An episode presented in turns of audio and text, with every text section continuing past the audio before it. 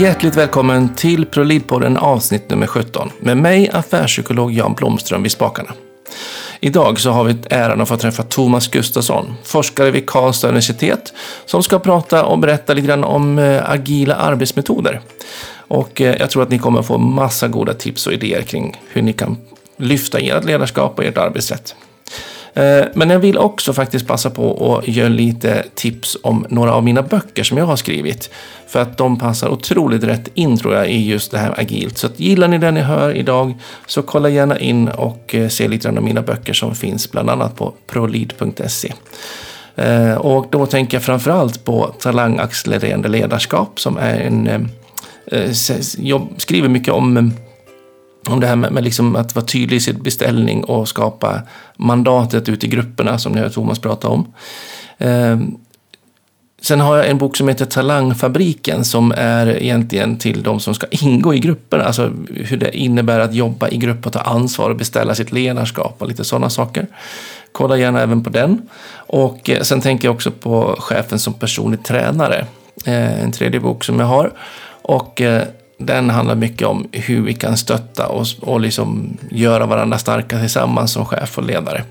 Så att kolla gärna in dem på prolid.se eh, under böcker där eller annars på era vanliga inköpsställen. Eh, för det tror jag kan vara en eh, riktigt input till det. Sen så tipsar också Thomas om sin bok om eh, agilt eh, ledarskap. Så att, eh, eller projektledning. Så att kolla gärna även in på, på den såklart.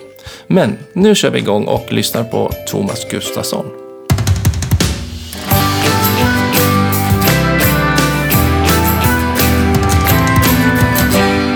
Och eh, jag får önska dig hjärtligt välkommen Thomas Gustafsson till ProLead-podden.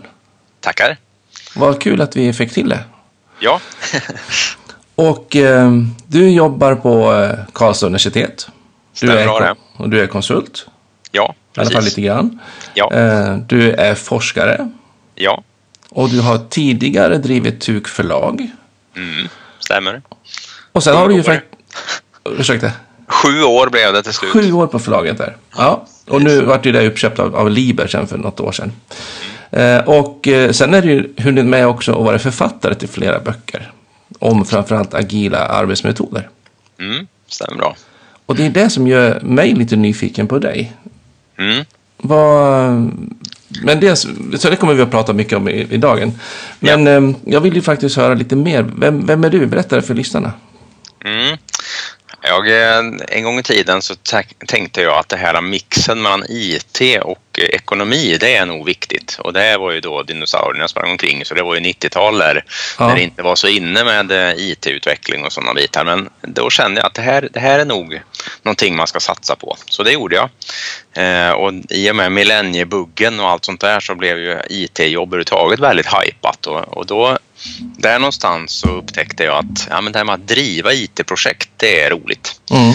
Och inom IT-branschen så har det ju ofta varit mycket, vad ska man säga, att man har varit i framkant med att tänka till olika metoder och tekniker för hur man ska jobba ihop. Och det, det fastnar jag mer för än själva IT-biten egentligen. Alltså mer arbetsformerna liksom? Ja, precis. Ja. Och styrformer och hur man överhuvudtaget ska, ska leda i, i IT-sammanhang. Och och då mötte jag, mötte jag de här agila metoderna eh, redan runt millennieskiftet ungefär. Då mm. var det inte så känt. Eh, och det var lite kärlek vid första ögonkastet men som, som det blir med kärlek så upptäcker man saker under vägen att det kanske inte bara var rosor och guld allting utan man får uh, kämpa en del ibland. Mm. Det är en liten grå vardag även i, i metodrelationer. Ja, så är det ju. Precis. Mm. Så man kan väl säga att det jag har gjort sedan dess är egentligen eh, vad det gäller med mitt författarskap och så försökt egentligen att eh, i, i bokform lära organisationer vad man kan använda av agila som inte är bara till IT. Att ge en bredare bild av vad de här metoderna står för. För även om det har sitt ursprung i IT-branschen så finns det mycket fler applikationer till den. Så, eh, det är bara att eh, en del skräms av att det är mycket IT-ord och mycket IT-begrepp och många exempel har bara med IT att göra och då, då är det många som direkt vänder ryggen till och tycker att det där är inte för oss. Och då det, jobbar du med att tvätta bort det helt enkelt? Ja, precis. Så dels i mina böcker men framförallt som konsult att jag har varit på allt från Socialstyrelsen till eh, MSB och, och räddnings Räddningsverket och sådär. Alltså helt, helt olika eh, verksamheter egentligen. Där man har förstått efter ett tag att ja, men det är ju faktiskt bara ett, eh, ett arbetssätt. Även om det kommer från IT. Även om det kommer därifrån, ja. Mm. Och ditt skrivande med böckerna då, är det jämföra med, med, med parterapi då? Ja, det kan man säga. Så att ni, så att ni orkar hålla ihop fortsättningsvis? ja, exakt. Den första boken jag skrev eh, brukar jag skämtsamt säga att den blev till på tåg. För att eh, ofta var det att jag åkte till Stockholm eller något sånt och hade något konsultuppdrag och sen kände jag att jag måste ju tanka ur mig det här som jag har i mig. Och då blev det att jag skrev det helt Ja. enkelt. Ja.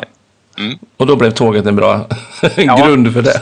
Exakt. Ja, man kan göra mycket på tågresor. Ja. Men eh, agil nu då, vad, vad, vad betyder det? Ja. Ja, vi börjar med själva ordet så är det att det handlar om att vara flexibel eller smidig. På, på norska säger man till och med smidig om de här metoderna.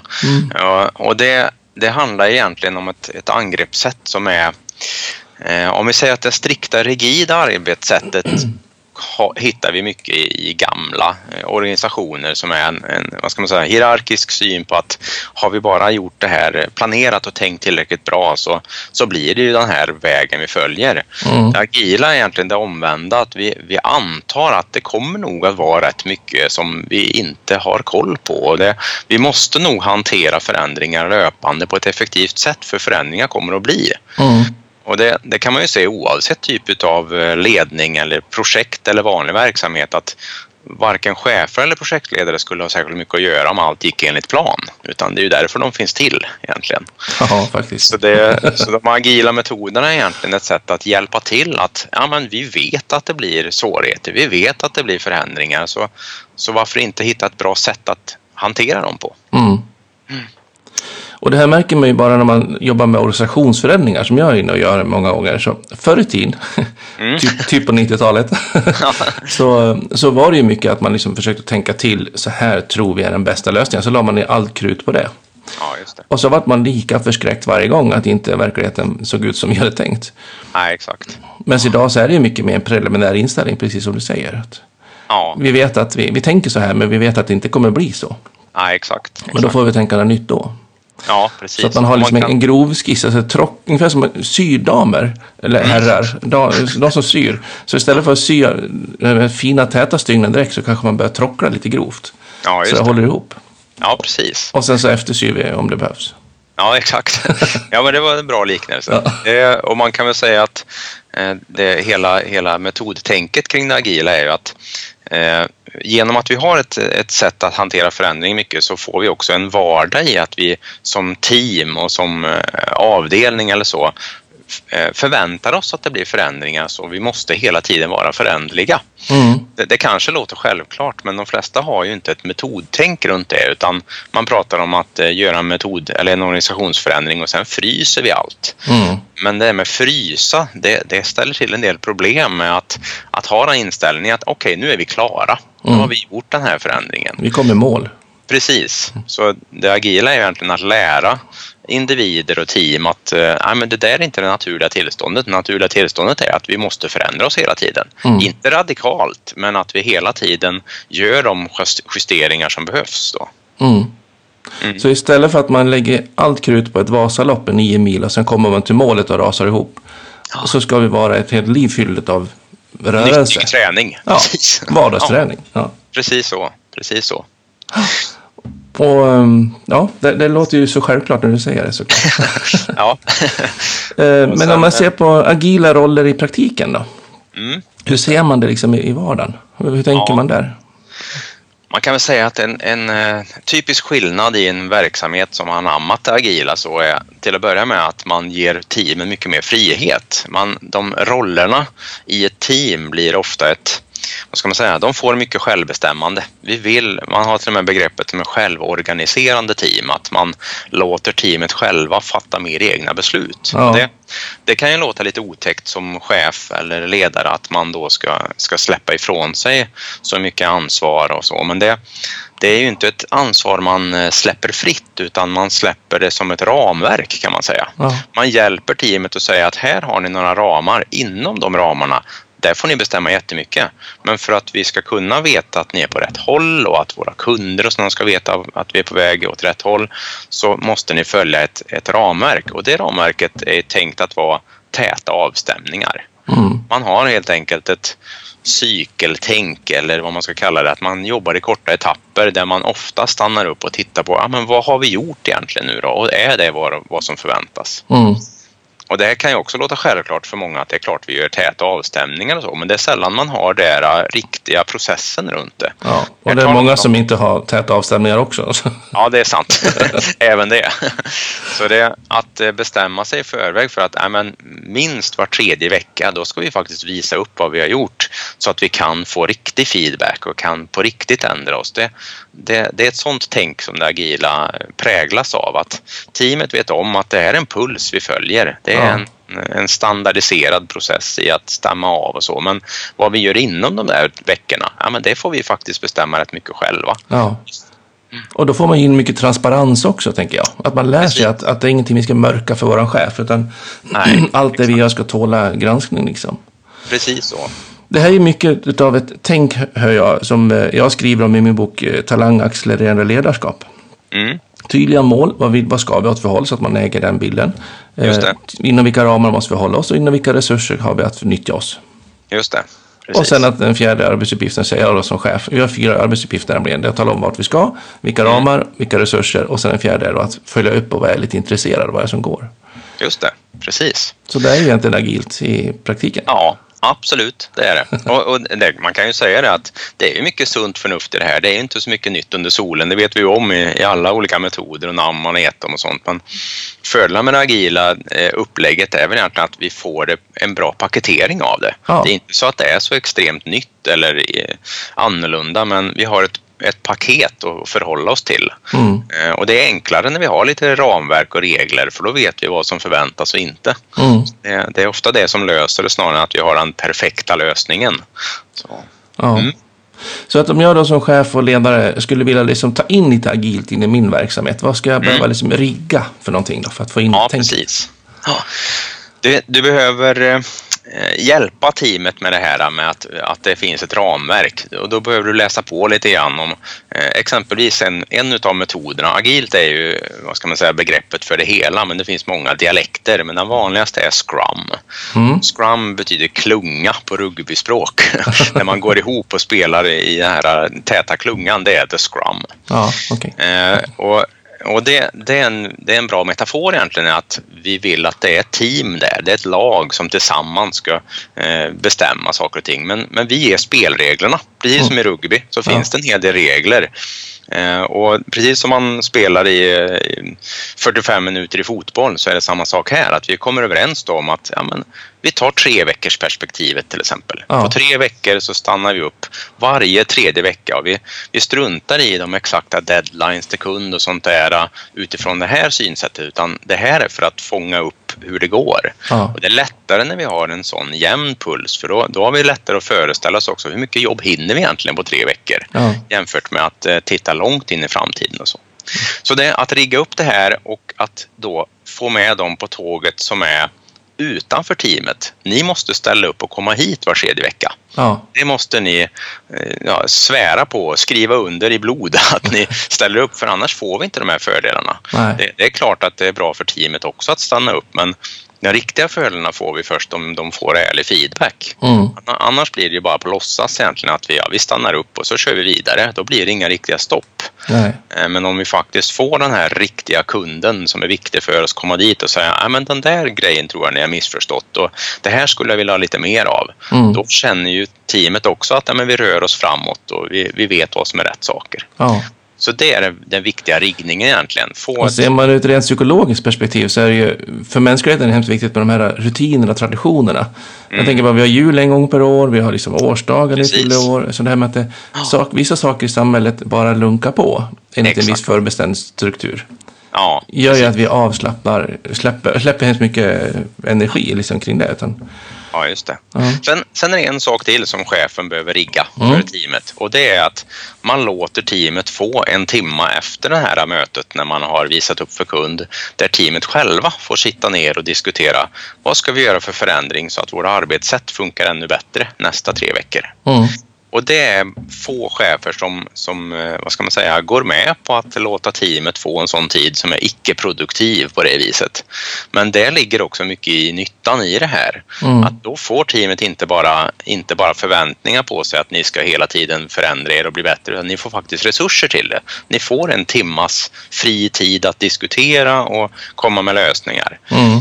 Nu säger jag en timma så, det, det är ingen, ingen regel, men att man i alla fall får tid och en timma är vad Scrum-ramverket säger, ja, det är en bra startpunkt. Mm. Då kan man ju se om det räcker eller om det är för mycket eller om det ska vara varannan tillfälle vi gör eller så. Men det, det är åtminstone att man får, får tid att förbättras helt Ja. enkelt. Där man verkligen sätter upp ramarna och en ny handlingsplan på Mm. hur kan vi förbättra framöver. Precis, precis. Och då ligger ju hemskt mycket ansvar i gruppen. Jag brukar ofta prata om att man är varandras arbetsmiljö Ja, just det. Precis så är det. Och gör varandra starka och hur kan vi liksom lyfta varandra så att vi tillsammans uppnår målen. Ja, exakt. Och det bör ju verkligen vara mitt inne i det. Så hur, hur man använder den här timmen till hur, hur sjutton kan vi göra det här smartare och effektivare till nästa gång. Ja, exakt. Ja. Ja. men så är det. Och det, det finns många sådana små eh, vad ska man säga, tekniker och verktyg som gör det ännu tydligare det här apropå transparensen. Att man till exempel man kan skriva en lista med gruppregler som är sånt som vi kommer fram till som team och som vi kan diskutera tydligt och få det, få det på pränt så att säga. Mm.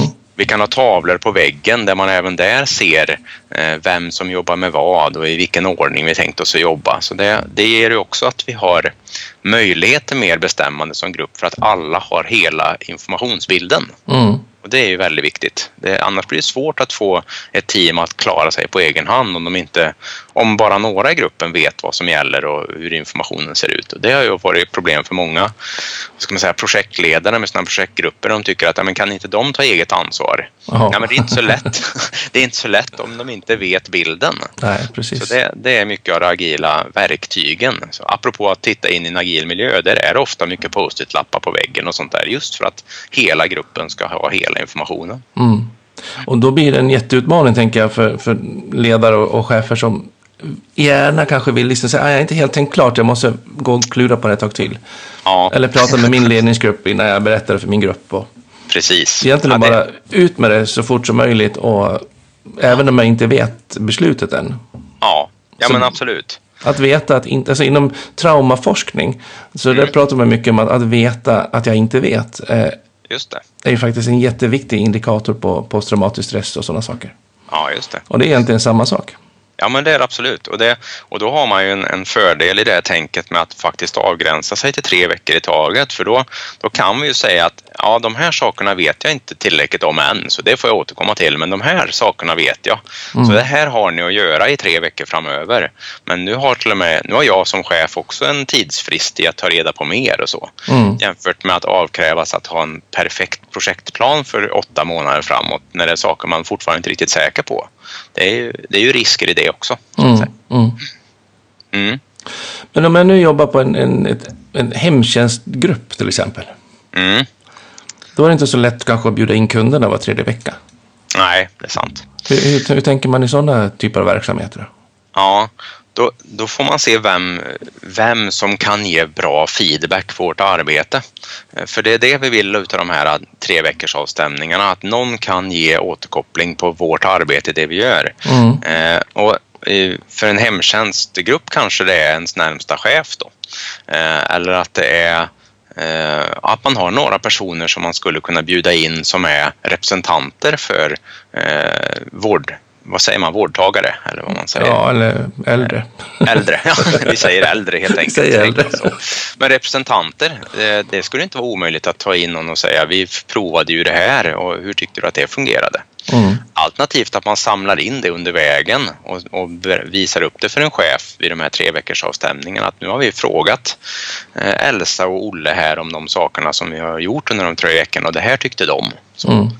Eh, Men det, ja, det viktiga är som sagt att hitta någon som kan ge oss feedback som har mandat också. Mm. Så att det inte är någon som bara tycker något utan att vi träffar den här personen, visar upp hur vi har tänkt och jobbat och de kan säga fortsätt med det där eller Mm. sluta med det där.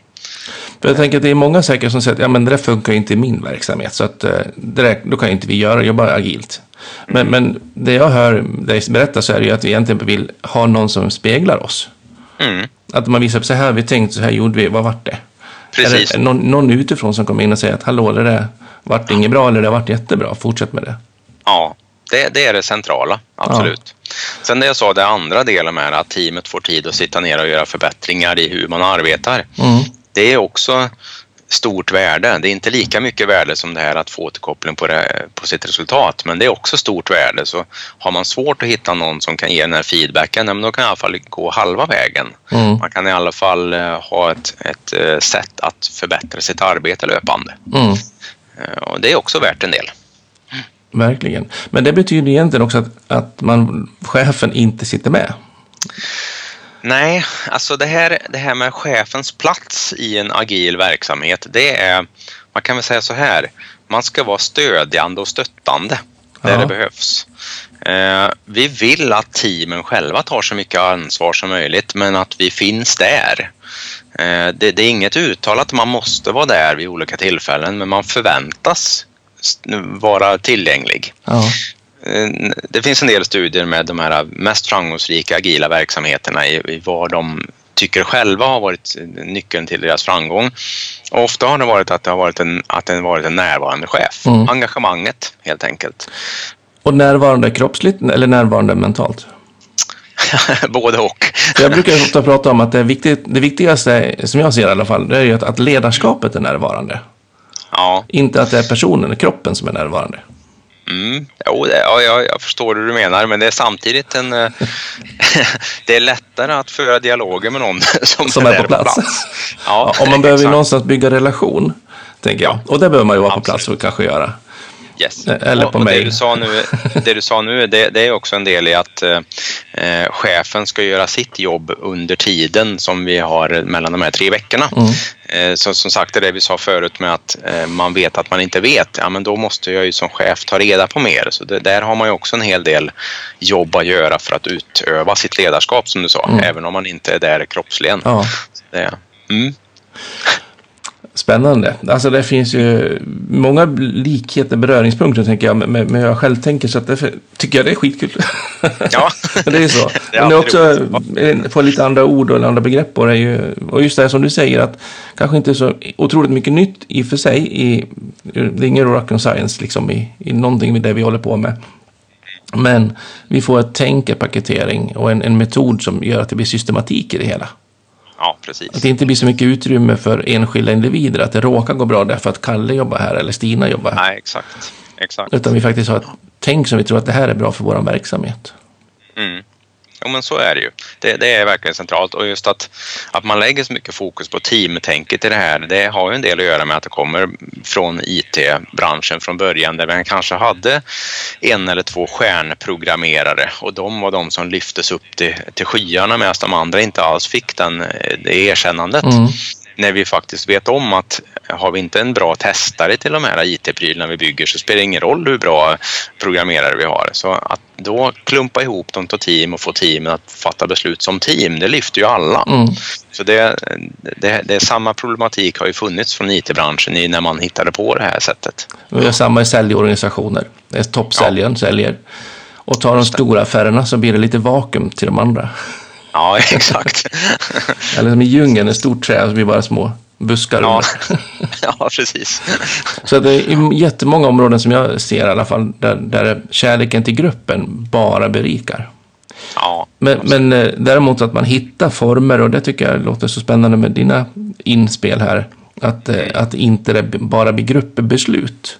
Att man Nej. inte samlar ner ett, sätter ett gäng runt ett bord och så klia under hakan och, och, och liksom drick kaffe och, och tjafsa om vad ni tror är bäst. Utan fokus på vad ska vi prestera, vad ska vi uppnå. ja precis. Eh, Och, precis. och det är ju liksom, det är dit vi ska och, och allihopa har gjort ett affärskontrakt med sin chef. Mm. Anställ mig, jag är mycket, mycket bättre än alla andra som söker den tjänsten. Jag är den som hjälper företaget att uppnå målen. Just det. Och sen när jag väl har fått mitt jobb, då ska jag ju faktiskt göra det också. Ja, Tillsammans exakt. med dem jag jobbar med. Ja, Så det är ju precis. så, så det är verkligen dit att vi, vi, vi, behöver gå. Och jag tänker också att eh, du sa att man kanske får panik som, som chef att lämna ifrån sig ägandet och, och styrandet mm. och mandaten till gruppen. För mig är det ljuv musik. Ja, skönt att höra. För, ja. för, för, det är då jag som chef kan jobba med det jag ska. För det tycker jag har gjort en otrolig skillnad på arbetsmarknaden. Och det är väl också mm. därför agilt känns så otroligt rätt i tiden. Ehm, för tidigare var man ju som chef, typ när man går tillbaka till gamla gruppledare, när man liksom hade koll på mina 6, 8, 10, 12 personer jag hade under mig. Visste ja. precis hur det låg an och vilken, hur man skulle prioritera och man skulle flytta arbetsbelastning mellan personerna. Idag så hinner vi ju inte det som Nej. chef. Idag så är vår spelplan inte neråt i organisation. Nej. Utan idag är vår spelplan uppåt. Exakt, Jobba mot exakt. ekonomiavdelningen, det ska vara budgetanalyser, det ska vara omvärldsbevakning, samverkan Precis. med andra aktörer i branschen. Mm. Och så vidare. Och då kan jag ju inte både vara nere i gruppen och sitta med på alla mötena Nej. och vara ute i omvärlden och uppåt i organisationen. Så att det blir ett skifte. Ska jag då chefen gå upp, vara ute, då måste ju mm. faktiskt också då per automatik, tycker jag, grupperna ta över taktpinnen för sin egen verksamhet. Ja men absolut och, och, som sagt jag tror att eh, mycket av verktygen i det agila har gjort att det har blivit verklighet. Eh, just det här med transparens. Mm. Att man jobbar så mycket med olika verktyg kring transparens för det gör att teamet kan ta mer ansvar. Det är ju, om man som chef skriker åt gruppen att eh, det här behöver ni bygga nu och springer därifrån, då står ju gruppen där och stirrar på varandra och inte vet vad som gäller och, och vem som är tillgänglig och vem som kan göra vad. Ja. Men med de här verktygen så kan vi faktiskt gruppen vara mer initiativrik. Mm. Då kan ju gruppen säga vi ser ju här hur belastningen är och vem som har för mycket eller för lite att göra. Ja. Det, det, det, är viktiga verktyg för att nå dit. Och ju mer gruppen ser hur deras vardag ser ut, mm. då blir, tänker jag också, kanske mindre utrymme för chefen, för den är ju ute och kollar runt i världen. Då blir inte Just. den att ha koll på detaljerna. Nej, exakt. Och vad händer då med en grupp? Jo, då tar ju de ansvaret mycket mer eftersom de vet att chefen ser ju inte de här små detaljerna. Precis. För det är vi precis. som har koll på det. Ja, exakt. Och då är vi egentligen inne på det här med, med tidshorisonter. Alltså det som rör sig i våran horisont med, med, liksom, med gruppen. Mm. Då är det ju också vi som har ansvar för det. Just det. Och sen chefen jobbar med en helt annan horisont med lite längre penseldrag. Exakt. Och jobbar med de frågorna. Precis. Så att inte alla springer på samma puck liksom. Ja, nej absolut. Och det, vill man titta på olika av de här ramverken så ger de lite sådana rekommendationer kring att om vi nu håller teamets fokus under en månad, ja. Eh, vi bestämmer oss för något tidsperspektiv, så har chefen sitt fokus på ett kvartal. Ja. Och det, det, är ganska sunt faktiskt. Det, det, även där så får man ju en bild av att man måste inte kunna allt heller, men man har i alla fall det perspektivet. Ja. Och det, det är sånt som, eh, ja, du vet ju hur det är med metodmänniskor. Vi skäl ju friskt från alla möjliga håll. Och ja. Från eh, Toyota brukar man säga, lova aldrig något som är längre än tre till sex månader fram i tiden. Och det är lite samma, mm. samma horisont vi pratar om där egentligen. Jättespännande. Mm. Men det här, när du är ute och konsultar då, mm. köper folk det här tycker du? Eller blir, blir cheferna nojiga att de inte får vara där och peta i en månadsfrågan? Eh, och kan teamet låta man... bli att tycka, ha åsikter om de här tre månadsfrågorna? ja, just det. Eh, man kan väl säga att det, det, ja, det är som vanligt ett beror på-svar på det här. Ja. Men man kan, det vanligaste är väl att eh, chefer vill vara väldigt aktiva i början och se vad det är jag säger och vad det är jag hjälper till med. För då är de lite oroliga. Ja. Eh, jag, jag medvetet när jag har konsultat och hjälpt företag så har jag gjort ett vad ska man säga, nedslag på ett par dagar och sen kommit tillbaka ett par månader senare.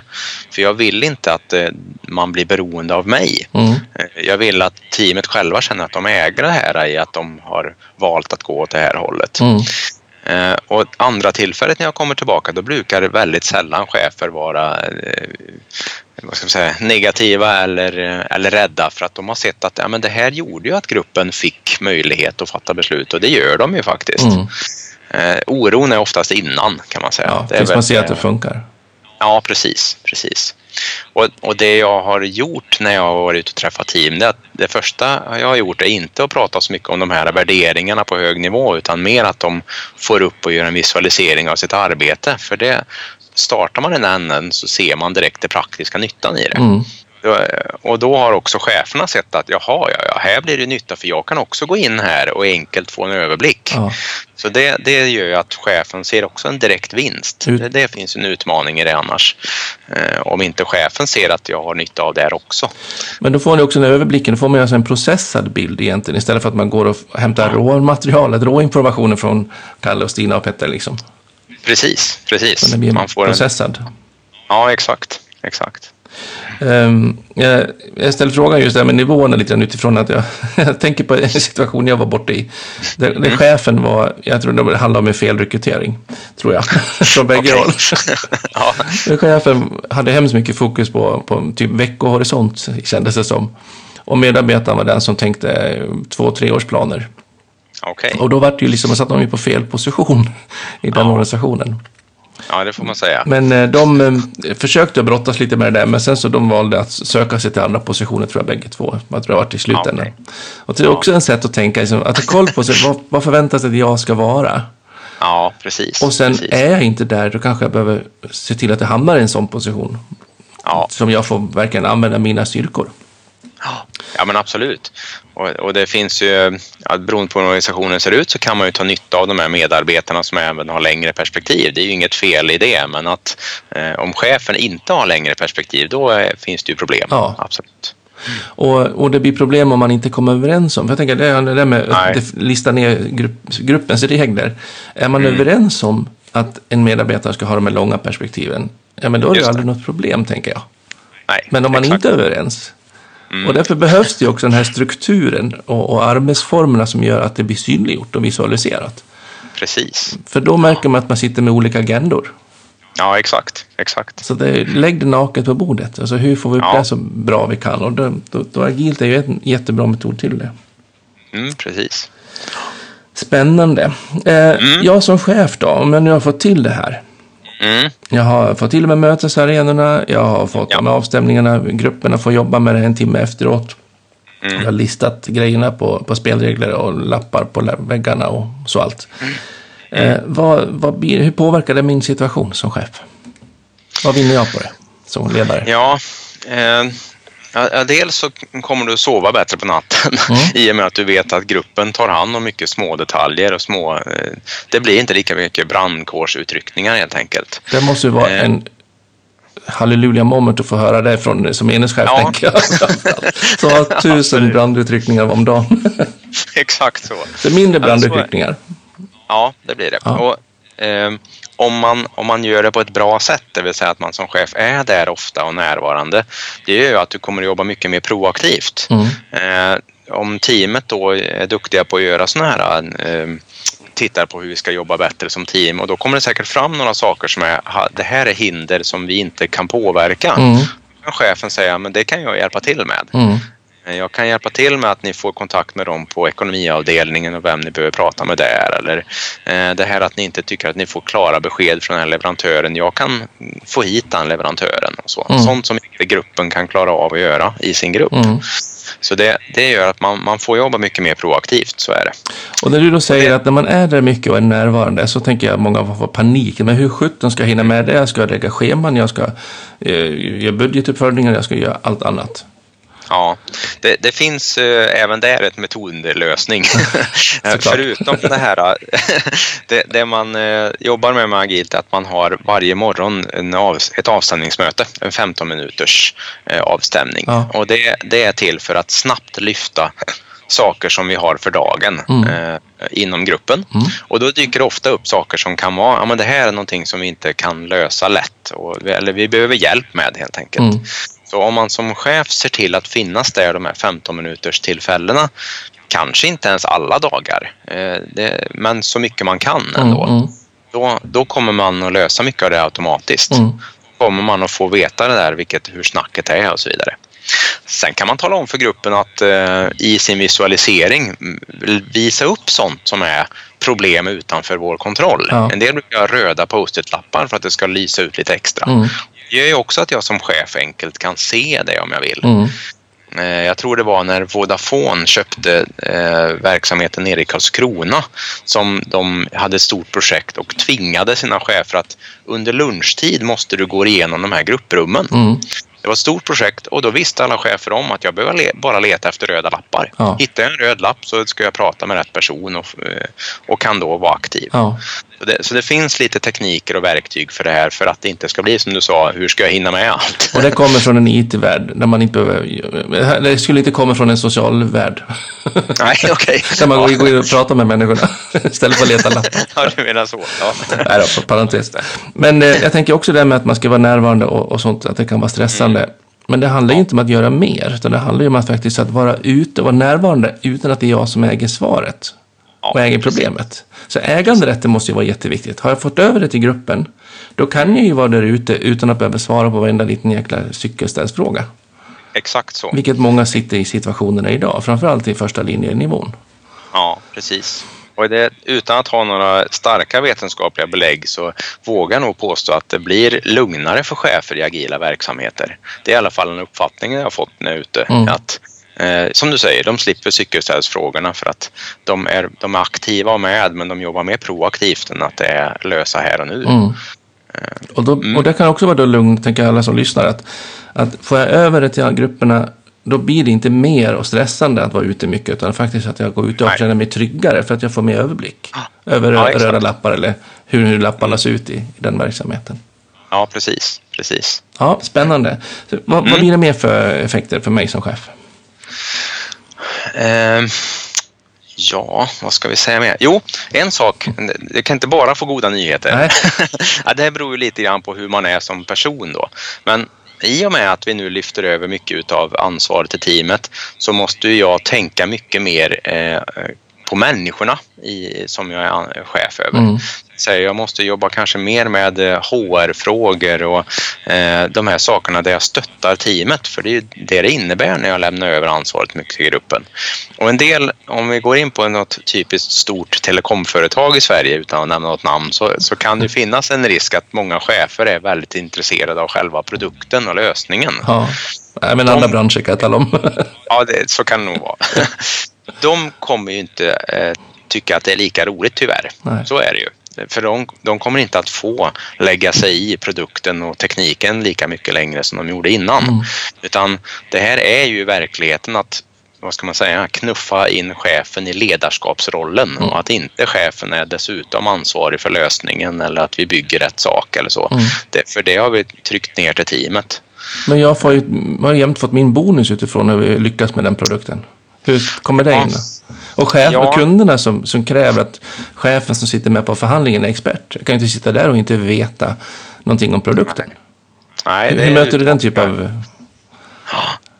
Ja, till att börja med att ta hjälp, alltså även där. Att, eh, om jag sitter i förhandlingar med kunder så tar jag med de bästa experterna i min grupp i de mötena. Ja.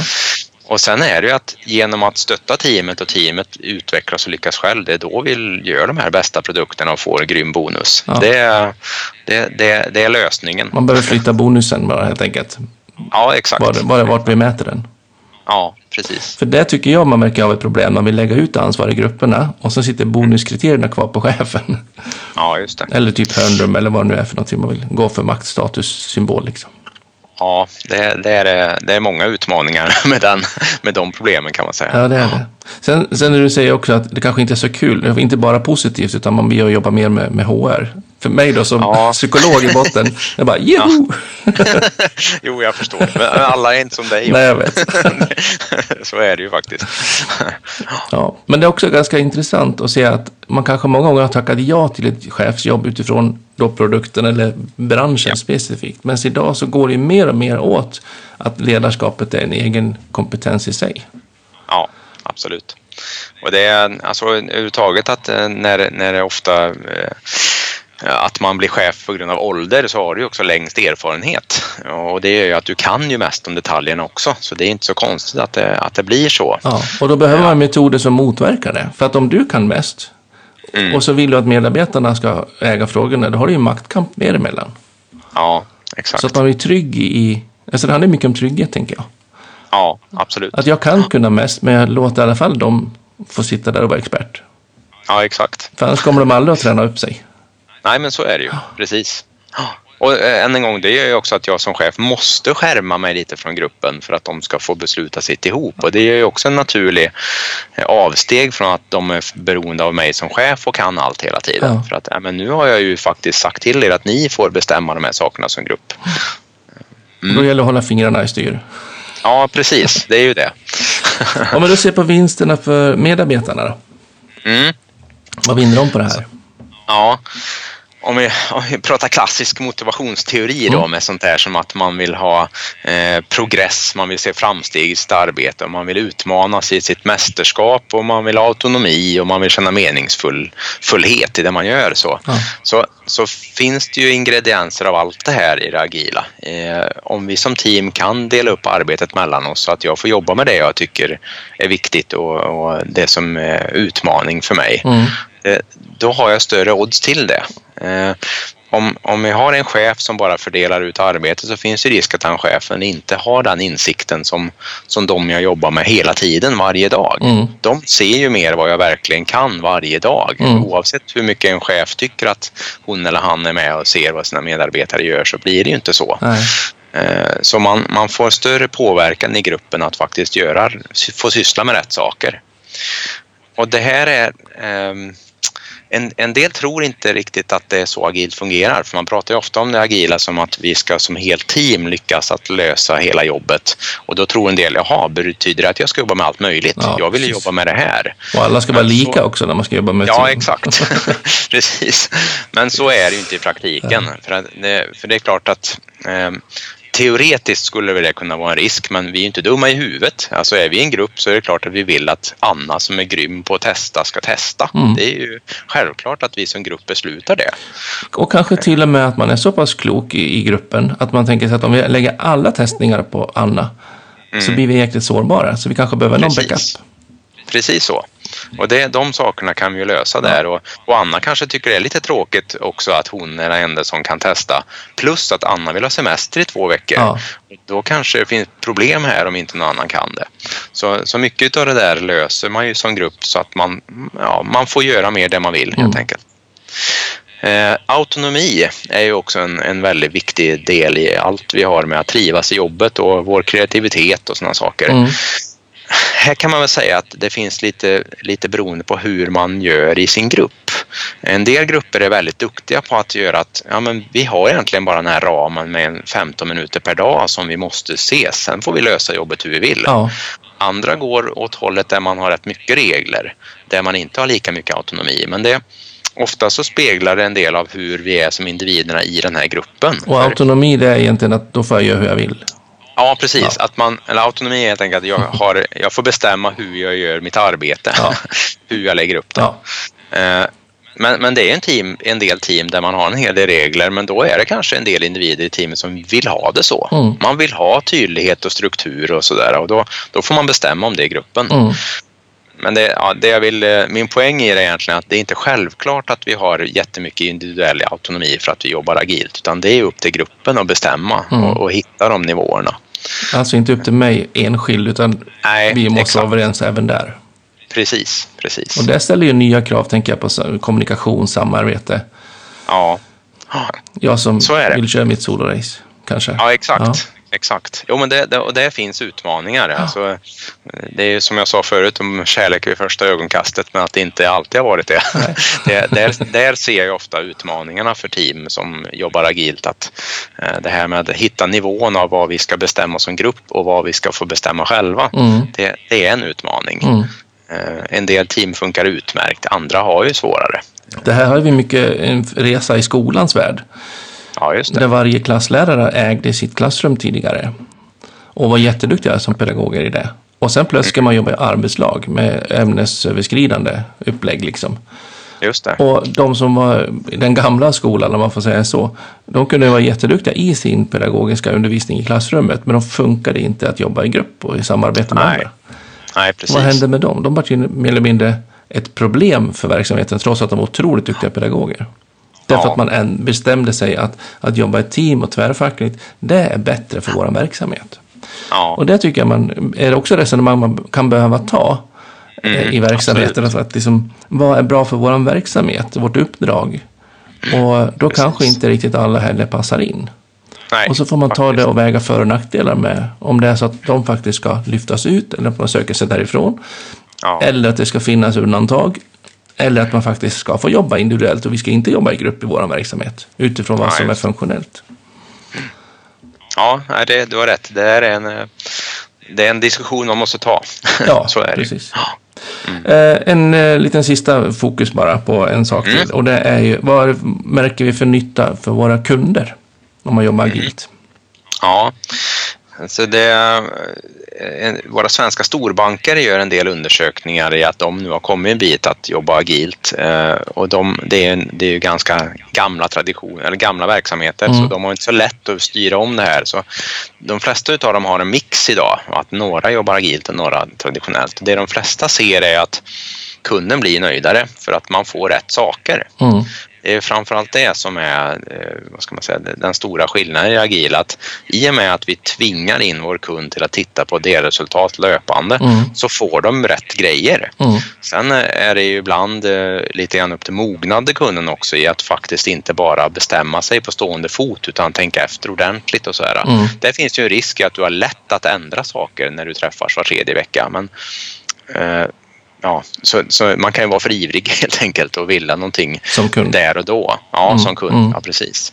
Men generellt så, blir, så, så får man rätt saker. Mm. Det, det, är den stora skillnaden. Och man kan säga att byggbranschen har det som kallas partnering idag och det är egentligen deras tänk kring agilt. Det, men de har inte de orden, men det är, det är samma utgångspunkt att vi vill att kunden oftare kommer hit och ser på vår byggarbetsplats att vi gör rätt saker. Ja. Så det, det, det, är samma resultat man vill uppnå ja. och det, det får man i det agila. Man är två om saken. Ja, precis. precis. Och jag tänker också om, om, om det är så att vi i gruppen är, är liksom måna att lyssna och var tredje vecka stämma av med, med, med kundaktör i någon form, mm. eh, representant eh, eller direkta kunden eh, och inte ha fokus på vad chefen säger att vi ska göra. Just det. Då blir det också större utrymme att lyssna på och ha fokus på kundnyttan. Absolut, absolut. Ja, men så är det ju. Det, det är ju verkligen att eh, vi lyssnar på från the horse's mouth. Ja. Det, som, det som verkligen är viktigt för oss. Oavsett vad vår chef tycker så är det det här som kunden vill ha. Mm. Det, och eh, jag tänker bara när vi skaffade telefon förut, när jag flyttade hemifrån så var man på Televerket och beställde telefonabonnemang. Så jag tror jag tre månaders väntetid innan jag fick en telefon och då stod det tillhör Televerket under. ja. och riktigt så förhåller vi oss inte till telefoner idag, utan då byter vi abonnemang var tredje vecka. Liksom. Ja, exakt. men man kan ju, men samtidigt, eh, jag kommer in på operation eller efter, på en akutmottagning eller någonting så kanske man inte vill höra, liksom, hur tycker du nu? Nej, exakt. Att du ska göra vad fan som behövs. precis så. Ja. Du räknar med att de är experter i alla fall, så är det ju. ja, så är det väl. Men, men samtidigt idag vill vi faktiskt vara med och ha en dialog om vilken medicinering eller vilken typ av behandling ja. som man lägger upp det. För att vi, vi sitter ju med kunskap idag som, som kunder också, som patienter. Ja. Absolut. Nej, och alltså den stora, eh, stora vinsten med det här med att få avstämningar ofta, det är ju lika mycket att kunna förändra som att veta att man, vi är på rätt väg. Mm en del tror ju att agila projekt är, är liksom väldigt dåligt planerade för att vi kan göra det med tre veckors avstämning. Så. När man byggde JAS Gripen E i ett tioårsprojekt, det, det var ju inte så att man inte hade några planer kan jag säga, även om det var agilt. Vi vet vad vi gör de närmaste tre veckorna, sen får vi se om det blir plan eller om det blir ja, någon buss. Eller? vad vi bygger sen. Nej, man kan ju fortfarande ha väldigt lång och detaljerad planering, men då har man ju tillfällena för att se att ja, men vi är på rätt väg. Ja. Vi, vi gör rätt saker. Ja, Likväl som man kan ändra. Mm. Ja, vad spännande. Jättemycket goda input och tips. Tusen tack, säger jag. Tack själv. Det var jättespännande ja. att få ta del av dina både kunskaper men också din kärlek till det agila. Det, ja. Även om den kanske då har varit någon typ av parterapi under resans gång så känns det som att just nu verkar du vara helt förälskad i det och det känns gött. ja, det känns bra. Ja. Och det ska bli otroligt spännande att ta del av dina eh, forskningsresultat här framöver. Vad de kommer ja. att landa i. Ja, men det, dessutom så är det ju den tredje utgåvan utav min bok som kommer ut här i dagarna den 7 november. Härligt. Det, ja. Och den heter? Agil projektledning. Ja, Så att släng er över bokhandlarna och köp agil projektledning. Så får ni mycket mer information ifrån Thomas. Om man vill komma i kontakt med dig och höra mer, vad, vad, vad kan man få ta på dig någonstans? Ja, man går in på Karlstad universitets hemsida och söker på Thomas Gustafsson så finns alla kontaktuppgifter där. Ja, suveränt. Mm. Och ja. vill ni följa ProLead-podden så då följer ni oss på antingen på hemsidan eller på, på Facebook. Eller följ mig på Jan Blomström på Instagram och Twitter. Eh, ja, med det så tackar jag så mycket för nu. Så, Tack så mycket. Ja, ha det gott. Ja. Hej. Detsamma. Hej.